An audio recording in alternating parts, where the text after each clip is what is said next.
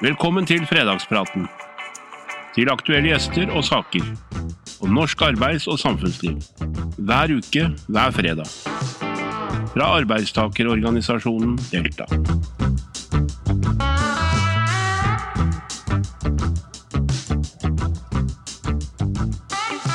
Hei og velkommen til en eh, ny fredagsprat. I dag har vi virkelig celebert besøk. Vi har besøk av den lengstsittende kvinnelige ordfører i landets hovedstad, nemlig ordfører Marianne Borgen. Hjertelig velkommen. Tusen takk. Vi er jo inne i en veldig spesiell tid. Forrige uke så hadde vi stortingspresidenten her. Og du er jo en form for Altså ordførerrollen i Oslo, det er jo å være litt sånn stortingspresidentaktig det òg, liksom for hele byen, er ikke det? Mens liksom Raymond er på en måte litt sånn, altså byrådslederen er litt statsminister, bare for å skjønne. Ja da, Vi har jo liksom det parlamentariske systemet i Oslo. Det er ikke alle som kanskje skjønner det, men, men det er litt riktig som du sier. Men ordførerrollen i Oslo jo, skal jo omfavne hele byen. Men det er jo også en viktig politisk posisjon, fordi jeg leder altså bystyrets uh, arbeid. Og sånn at jeg har jo ansvar for at vårt demokrati fungerer. Også Raymond Johansen er jo leder av vår byregjering, vår byråd og har sånn sett ansvar for at de vedtak som vi fatter i bystyret, blir satt ut i livet. Det er kortversjonen. Men det er med andre ord, det er du som er sjefen, Marianne Borgen, som overordna ja, folkestyre? Jeg, jeg, har i hvert fall litt makt, makt, i den rollen jeg har, ja. Vi er veldig glad for at du er her. Marit Solheim, alltid klar? Yes. Mm. Uh, og vi skal ha en prat om uh, den tida vi er inne i nå. og Det er jo ikke til å komme bort fra at uh, alle er veldig bekymra, opprørte, indignerte over den verden vi lever i. Russlands invasjon og krigshandlinger i Ukraina er alvorlig. Mm. Og det rammer oss alle som enkeltmennesker, og det påfører også samfunnet Oslo som, eh, som by, men også som del av verdenssamfunnet. Hvordan, hvordan oppleves det å være ordfører i en sådan tid? Altså det, vi har jo hatt nå halvannet år, to år med pandemi, ikke sant? og så har vi stadig utfordringer, og nå en krig. Det er ikke lett å håndtere dette også i en by som Oslo. Nei, altså Det som skjer nå i Ukraina er jo hjerteskjærende på alle vis. Den folkerettslige eh, krigen som Putin-regimet har startet, er nesten ikke til å holde ut og bli informert om hele tiden gjennom dagene. Um, og det er klart at det bor også veldig mange som har eh, relasjoner til enten Ukraina eller Russland i vår by. Det bor vel ca. 8000 ukrainere i Norge, og vel 1000 av de bor i Oslo-området. Og veldig mange av de som også har, eh, ja, har sine familier og venner i, i, Russland, opplever jo denne krigen som veldig krevende. Men det betyr jo også at vi er nødt for å stille opp for hverandre, ikke sant? For dette er jo en krig som, eh, som oppleves som truende og farlig for oss alle sammen. Så, så det, men det som er flott på en måte midt oppi eh, det triste og det grusomme og det brutale, det er jo også at folk i vår by, og politikerne i vår by, er klare for å gjøre en innsats. Vi er klare for å gjøre en innsats for våre medmennesker. Vi er klare for å gjøre en innsats humanitær, med humanitær hjelp. Nylig så bevilget jo vi i Oslo 10 millioner kroner til, til eh, Flyktninghjelpen, som direkte penger til å kunne bruke i den humanitære innsatsen som trengs i grenseområdene, ikke minst i Polen.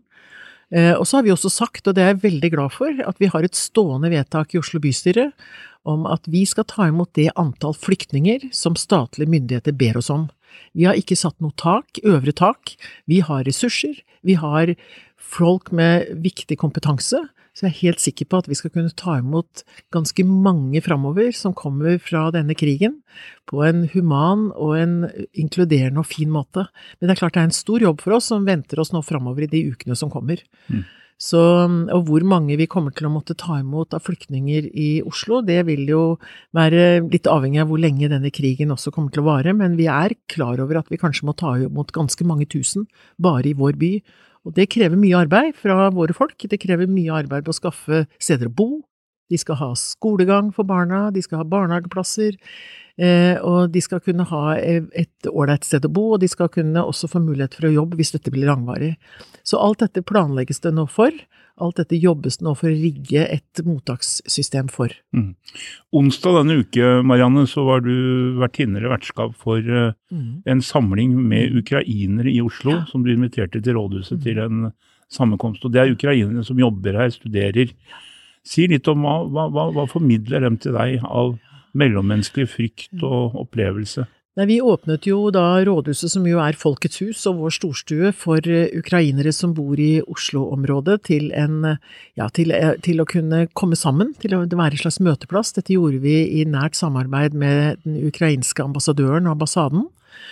For det bor altså sånn ca. 1000 stykker fra Ukraina som bor i vår by.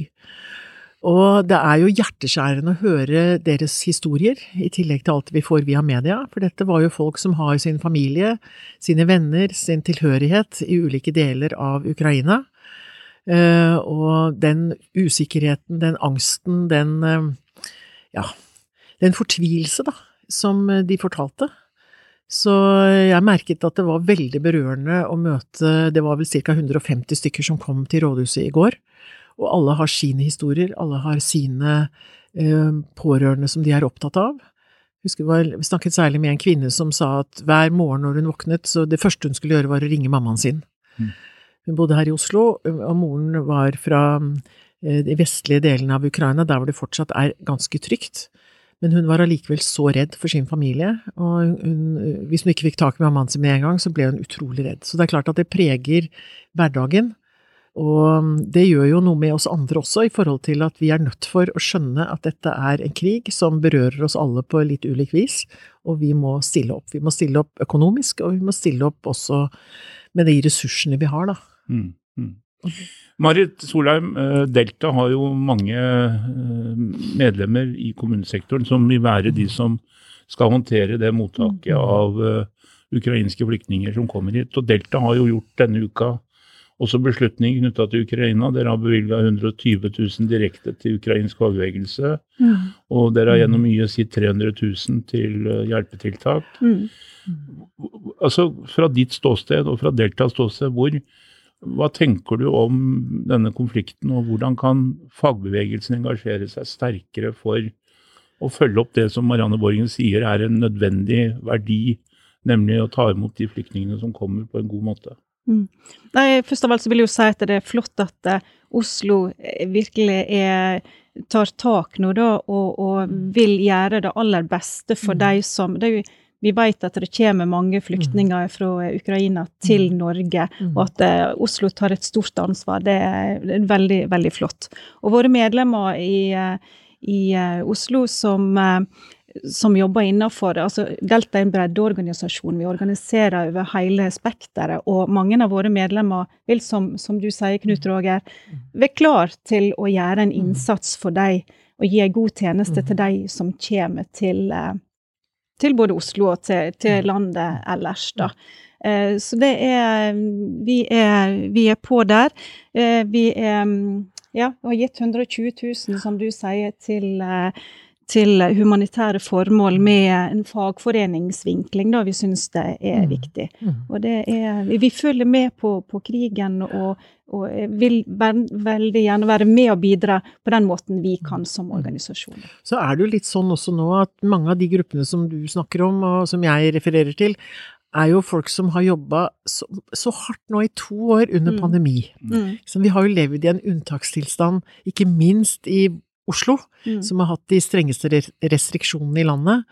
Og vi hadde jo trodd da, at når pandemien kom noe mer på avstand, at vi skulle kunne bruke tida nå på å bygge opp igjen og reparere de skadene og de belastningene som koronaen hadde gitt oss, og så får vi da krig og helt nye utfordringer umiddelbart oppå det. Mm. Så det er klart at det er mange ansatte i ulike deler av offentlig sektor som har gjort en kjempejobb i den tida som kommer, og det er fantastisk å snakke med mange av dem som nå sier men vi er klare for å gjøre nye oppgaver. Så det er jo en, en, en forståelse av solidaritet og respekt for menneskeverd og respekten for liksom medmenneskeligheten, da, eller å vise den, som er imponerende mm. i, i, i, vår by og i vårt samfunn. Mm. Som, uh, så jeg tenker at uh, jeg er takknemlig for å bo i et land hvor vi har så mye flott verdigrunnlag i bånn når det oppstår kriser. Mm. Men Marianne Borgen, du er jo som ordfører, Oslo kommune er jo det er også arbeidsgiver for en stor arbeidsplass og mange tusen ansatte. Ja. Uh, fra en relasjon til akkurat det du nå sier om pandemien som to år katastrofeområde. Mm -hmm. nå står vi overfor en krig som gir nye utfordringer.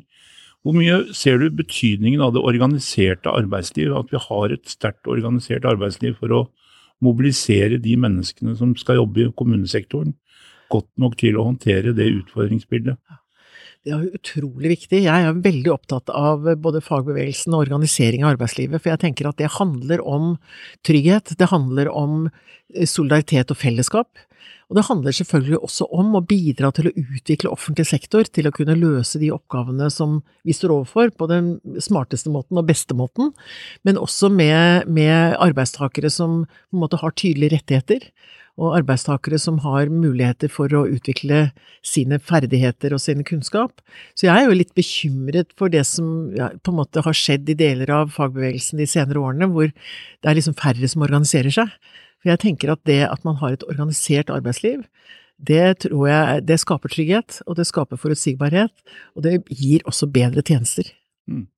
Ja, hva tenker du om det, Marit? Altså, her sitter ordføreren i landets største kommune, hovedstad, sier det skaper større forutsigbarhet, mer organisert arbeidsliv. Det er vel en utfordring fagbevegelsen og Delta tar. Det er absolutt, og jeg syns det, det, er jo flott eh, at du sier det, og vi er selvsagt veldig enige med det. Vi har jo eh, Eh, når, når eh, altså trepartssamarbeidet, mm. Eh, der vi går i lag og finner de gode løsningene for framtida, mm. ut ifra de utfordringene vi står overfor, og, og skal lage gode prosesser, sånn at vi, vi, har med oss hele laget. Da tenker jeg at det er den beste måten å jobbe på, og vi har jo gode erfaringer med det. Og det har vi jo, når vi ser på, på pandemien, disse her to siste åra som har gått nå, så ser vi jo det at partssamarbeidet. Norge har kanskje eh, et av de landene der pandemien mm. kanskje har ja, har, eh, det har gått bra tross pandemien på veldig mange måter. Da.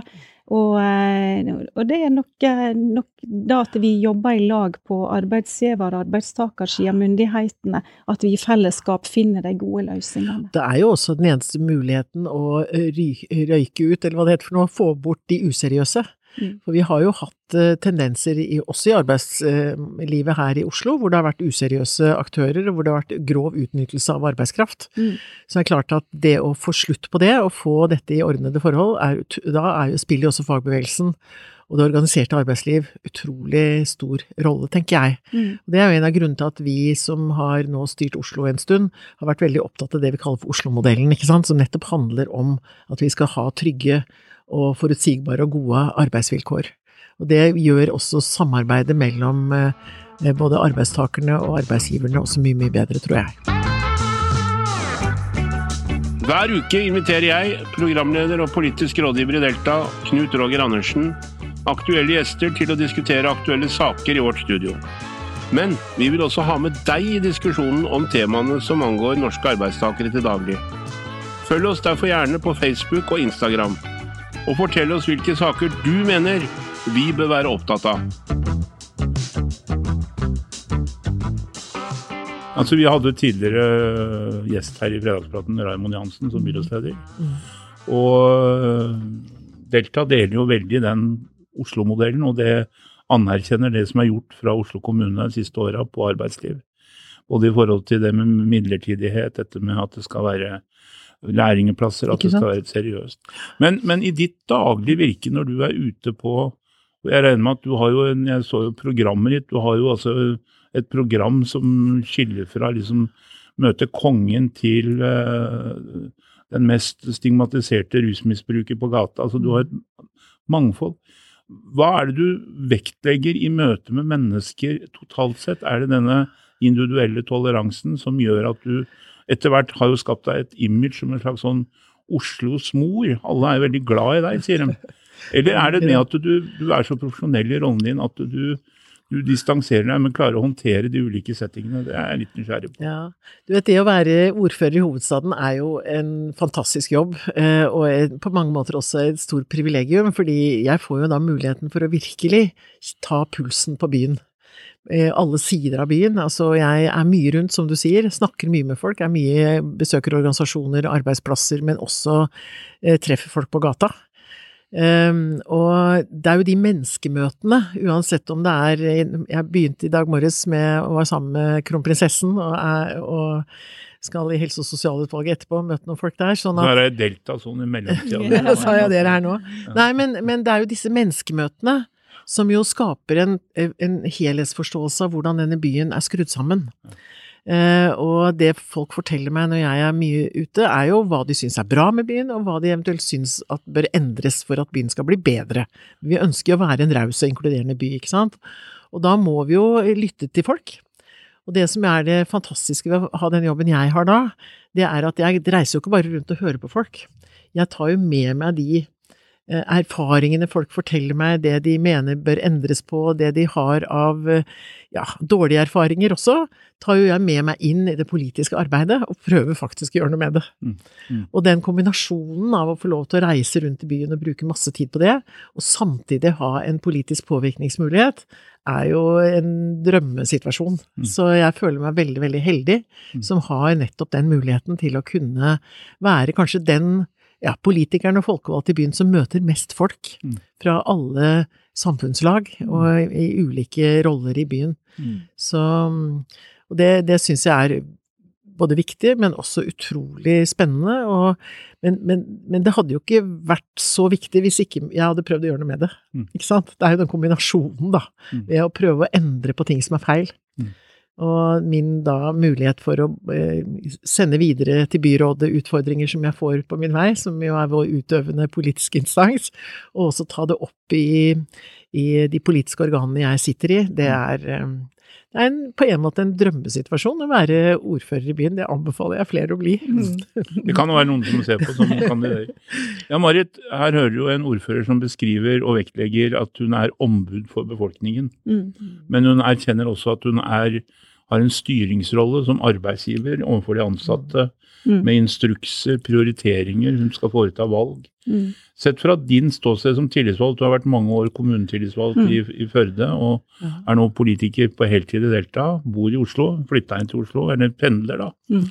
Du har sikkert noe spørsmål om trikken og sånn? Nei, nei, Ja. jeg var jeg lærer, litt etter hvert. Ja, jeg var bare fleipa. Men, men hvor, hvor viktig er det å ha folkevalgte som både har den ombudsforståelsen som eh, Marianne nå uttrykker, og, men også den styringsrollen i forhold til ansatte? Hvor, Mm. Hva tenker du om det? Nei, jeg tenker jo at eh, du, du er jo i en, en, en posisjon der du er den øverste arbeidsgiveren, sant, og, og legger føringer for hvordan, eh, hvordan Oslo kommune skal, skal drives, på en måte. Sant? Og det er jo eh, det er jo viktig, og du er så tydelig på, på partssamarbeid. Bare trekker det fram igjen Mm. en gang til, Mm. da, at vi i fellesskap jobber. Ja. Det er det. Mm. Og Oslo er jo kanskje en av Norges største arbeidsgivere. Vi har vel ca. 53 000 ja, litt arbeidstakere. Ja. Mm. Den største? Mm. Ja, og jeg er veldig opptatt av også eh, det å eh, på en måte gi tillit til våre ansatte. Mm. Ikke sant? Det har jo vært mye snakk om dette med, med For vi jobber jo aktivt i Oslo for å avkommersialisere en del av velferdstjenestene våre. Mm. Ikke sant? Vi har gjort det i forhold til barnehagene, vi Mm. holder på nå i forhold til barnevern, og, og vi er opptatt av det vi kaller for tillitsreform. Og det handler jo nettopp om å, å vise tillit til våre ansatte, men også gi de ansatte muligheten for å utvikle seg faglig, men også få muligheten for å teste ut ulike metoder til å løse de oppgavene de blir satt til å løse. Mm. For vi er jo et samfunn i veldig endring, og det krever jo også veldig mye av våre ansatte. Mm. Og jeg må jo si at under pandemien, for eksempel, jeg er utrolig stolt av Oslos kommunalt ansatte, som har gjort en kjempejobb. Og eh, omstilt seg, gjort, har tatt på seg nye arbeidsoppgaver som de ikke var vant til å ha fra før, og som var villige til både å gjøre andre ting og forte seg rundt og gjøre det på forskjellige måter. Altså, vi hadde jo ikke kommet såpass bra i mål etter de to årene med pandemi, hadde vi ikke hatt så mange fantastiske ansatte som det vi har i kommunen. Hva tenker du, Marianne, hvis du ser litt framover nå? Altså, det er store utfordringer. Vi har pandemien. Vi vet ikke enden på denne forferdelige, tragiske krigen i, i Ukraina. Mennesker er på flukt. Det er fare for uh, atomkonsekvenser i en eller annen form, enten det er kjernefysiske uh, hendelser eller andre ting. Mennesker blir redde. Jeg merker at jeg er usikker sjøl. Mm. Usikker på hva jeg skal snakke til mine små barn om i forhold til dette. Hvor, hvor viktig blir liksom den nærheten en kommune har? Altså Alle nordmenn bor i en kommune. ikke sant? Alle har et forhold til kommunen sin.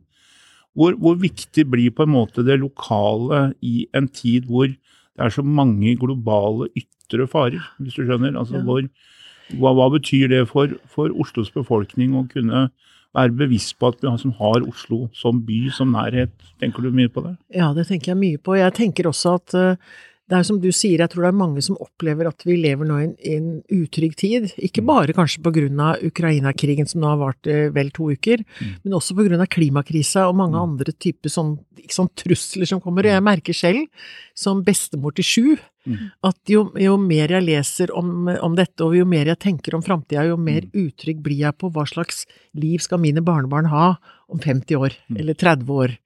Eh, Og jeg tror det er mange som tenker sånn, og da tror jeg at, at de lokalmiljøene vi bor i, ikke sant, og byen vi bor i, og den tilliten og den hjelpa vi kan gi hverandre, og det samholdet vi kan synliggjøre for, overfor hverandre, og det å ta vare på hverandre, Mm. bry oss om hverandre, gi et smil til naboen, ikke sant, det høres litt klisjéaktig ut å si invitere på en kopp te, men sånne ting betyr enormt mye.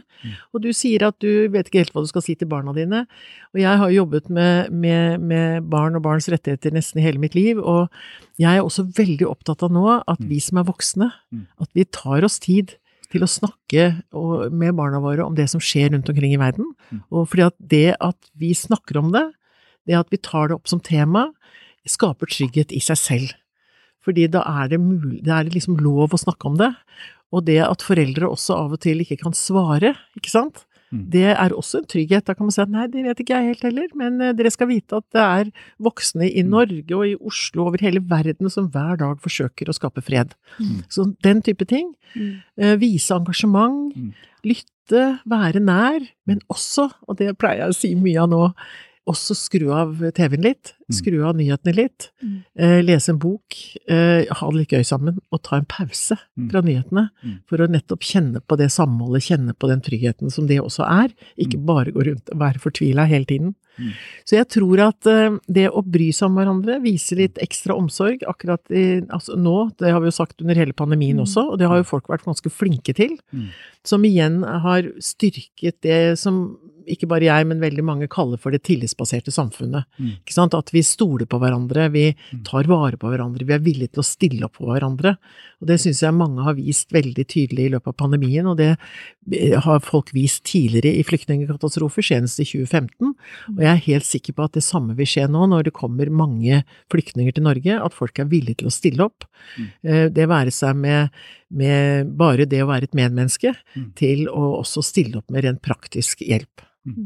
Ja, Marit, mange av dine medlemmer i Delta, 92 000, vil jo være nå de som står i front i møte med Mm. nye utfordringer, Mm. nye muligheter for Mm. mennesker på flukt. Mm. I det mellommenneskelige perspektivet Marianne nå beskriver godt, hva, hva tenker du om det?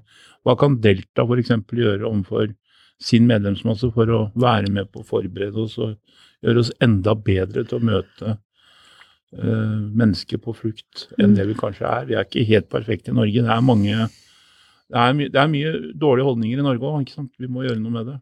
Mm. Men, men jeg tror jo som du, Marianne, at Mm. eh, de siste to åra har vist oss Mm. noe annet, det er et annet bilde, egentlig. Vi, vi, eh, vi vet at det er mange som har sittet alene i, i de siste to årene under pandemien, når vi ikke eh, hadde muligheten til å treffe hverandre. Og jeg vet at det er mange som har, har tatt tak og, og tenkt at nei, nå skal jeg gjøre noe annet, nå skal jeg ikke bare sitte og, og høre på nyhetene, som, som du sier, men, men at en skal være aktiv sjøl.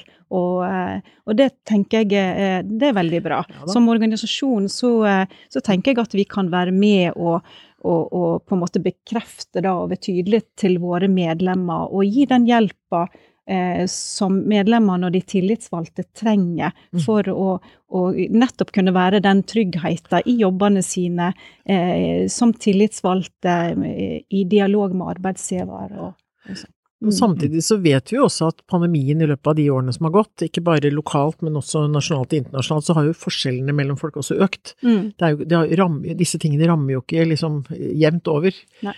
Så vi har jo en liten utfordring der også, i, både i Oslo og i Norge, at eh, det er store forskjeller mellom de fattigste og de rikeste i vårt land. Så, så, vi må jo fortsette å jobbe med å utjevne forskjeller for å skape den tryggheten og den fellesskapsfølelsen som, eh, som vi trenger da, for å komme ordentlig i mål. Ja. Så er det én ting som jeg er litt bekymra for nå framover. Nå kommer det til å komme mange ukrainske flyktninger til Oslo. Og da må vi, vi må på en måte ikke glemme, at, glemme de andre som også er på flukt i verden. Altså det er noe med, Noen er redd i dag for at vi skal begynne med en slags diskriminering av mm. mellom flyktninger. For det er klart at vi, Flyktninger fra Afghanistan, du har ikke sant, Eritrea Du har mange land i verden hvor det er krigshandlinger. Eh, og, og, jeg håper at vi, vi, tar imot eh, både de som kommer fra Ukraina med stor respekt, som vi skal gjøre med andre som også kommer fra krig- og konfliktområder. Så må vi ikke glemme at mange av de som bor i Norge allerede, har, kommer fra områder hvor det har vært eh, eh, krig, mm. og som nå også står i fare for å bli det fagfolka ville kalle for retraumatisering. Altså at de, at, at de, også opplever at den krigen som nå kommer nærmere i Europa, at den også er til stor belastning for dem. Så medmenneskelighet også overfor de som har kommet for en tid tilbake fra andre krigsområder, er også viktig å tenke på i disse dagene her, tror jeg. Mm. Og så er det også viktig å tenke på at uh, i Oslo og Norge bor det mange russere som er helt ja. uskyldige for det Putin-regimet gjør. Én ting er hva Putin og banden hans i Kreml gjør, men det kan ikke gå utover russiske barn i norske skolegårder. Så det vil jeg legge til. Så. Det er veldig viktig, fordi det er jo aldri barn som er skyld i en krig. Og det har vi prøvd å gi veldig tydelige signaler om at, uh, i forhold til skoler og overalt. For det har jo vært noen tilløp til noen diskriminerende uh, holdninger der. Så det tror jeg at, at, man har begynt å snakke ganske mye om. Mm. Det, og det er utrolig viktig. viktig. Veldig viktig. Veldig viktig. Mm, ja. Marianne Borgen, eh, du har varslet eh, for en ti dager siden at du ikke vil fortsette som ordfører etter denne perioden. Og jeg veit av mange, jeg har kjent deg i 30 år eh, i hvert fall, og vi har jobba i samme bransje litt, men du er jo en slags Som man sier liksom om Gro Harlem Brundtland, den var landsmoderen, så er du blitt på en måte byens mor. Hvorfor gir du deg når du liksom når alle er så glad i deg. Altså, ja, du er jo jordnær ekte ordfører. Ja, altså, for å si det sånn, når jeg bestemte meg for å, å, si at dette skulle være min siste periode, det er ikke så veldig lenge siden, eh, så tenkte jeg på mine syv barnebarn, jeg tenkte på mannen min er pensjonist, og vennene mine er pensjonister, og jeg blir 72 år. Eh, når jeg går av. Det er halvannet år til, da. Jeg, Men vi i Delta er veldig så, opptatt av å liksom stå. Ja, da, jeg skjønner det. Men, og da var det liksom en, for så vidt en litt sånn grei avgjørelse, og så sa jeg det høyt. og så ble det litt trist. Jeg kjenner på det. Ja. At da ble det liksom litt trist også. Mm. På den annen side så tenker jeg at når jeg eh, om halvannet år er, eh, trekker meg, da, så, så har jeg vært ordfører i åtte år og sittet i Oslo bystyre siden 1996. Sånn at jeg har gjort en, en stor jobb eh, i det lokale demokratiet, og tenker at eh, det er kanskje en tid for alt. Og, jeg, og det, kom, det, som er så trist, vet du, Knut Roger, er at det er flinke folk rundt oss og under oss og over oss som er klare for å overta. Så, Men når du går av neste år, så vil du være den lengstsittende kvinnelige ordføreren i ja, Norges hovedstad. Ja da. Det er fredag, eh, og da pleier vi alltid å avslutte denne samtalen med og spørre liksom, hva, hva gjør du i helga? Du har sikkert fullt oppdrag som ordfører? Ja, jeg har litt det. Så denne helgen vil bli preget av, eh, av, krigen i Ukraina. Jeg kommer til å delta på flere samlinger og en markering utenfor, utenfor Stortinget på søndag og litt sånt nå. Kommer til å ha noen samtaler også med en ukrainsk kvinnegruppe som jeg traff i går. Så det vil nok være preget av, eh, av krigen og, som foregår, og de forberedelser som vi må gjøre i Oslo for å kunne ta imot de som kommer. Mm. Og Marit, hva gjør du i helga? Jeg vil jo òg følge med på, eh, på utviklinga i krigen. Følge med på nyhetene da, for å være oppdatert på hva som, som skjer der. Eller så blir det, eh, selv om jeg pendler til Oslo og trives godt her, da, så eh, blir det en tur til Førde i helga. Mm, det blir det. Mm. Uansett, uh, tusen hjertelig takk Marianne Borgen for at du tok deg tid til å komme. Vi er, setter utrolig stor pris på, på at du kom. Og som født i denne byen, oppvokst i denne byen, og jeg mhm. kommer også til å daue i denne byen, det har jeg bestemt meg for, så er jeg veldig stolt av den jobben du har gjort som ordfører for hele byen. Det var veldig hyggelig sagt. Tusen takk. Og til dere som ser på, takk for at dere så på, og dere som hørte på, takk for at dere hørte på. Ta vare på dere sjøl. Vi er inne i en krevende tid hvor den mellommenneskelige dialog og relasjon med å ta vare på hverandre og lytte til hverandre er kanskje det viktigste for å skape fred for alle. Takk for i dag, god helg, og så ses vi neste fredag. God helg. God helg. Takk for at du lyttet til Fredagspraten. Hvis du har lyst til å vite mer om Delta, så kan du besøke vår hjemmeside www.delta.no, eller også finne oss på sosiale medier. Du finner lenken i episodebeskrivelsen. God fredag og god helg!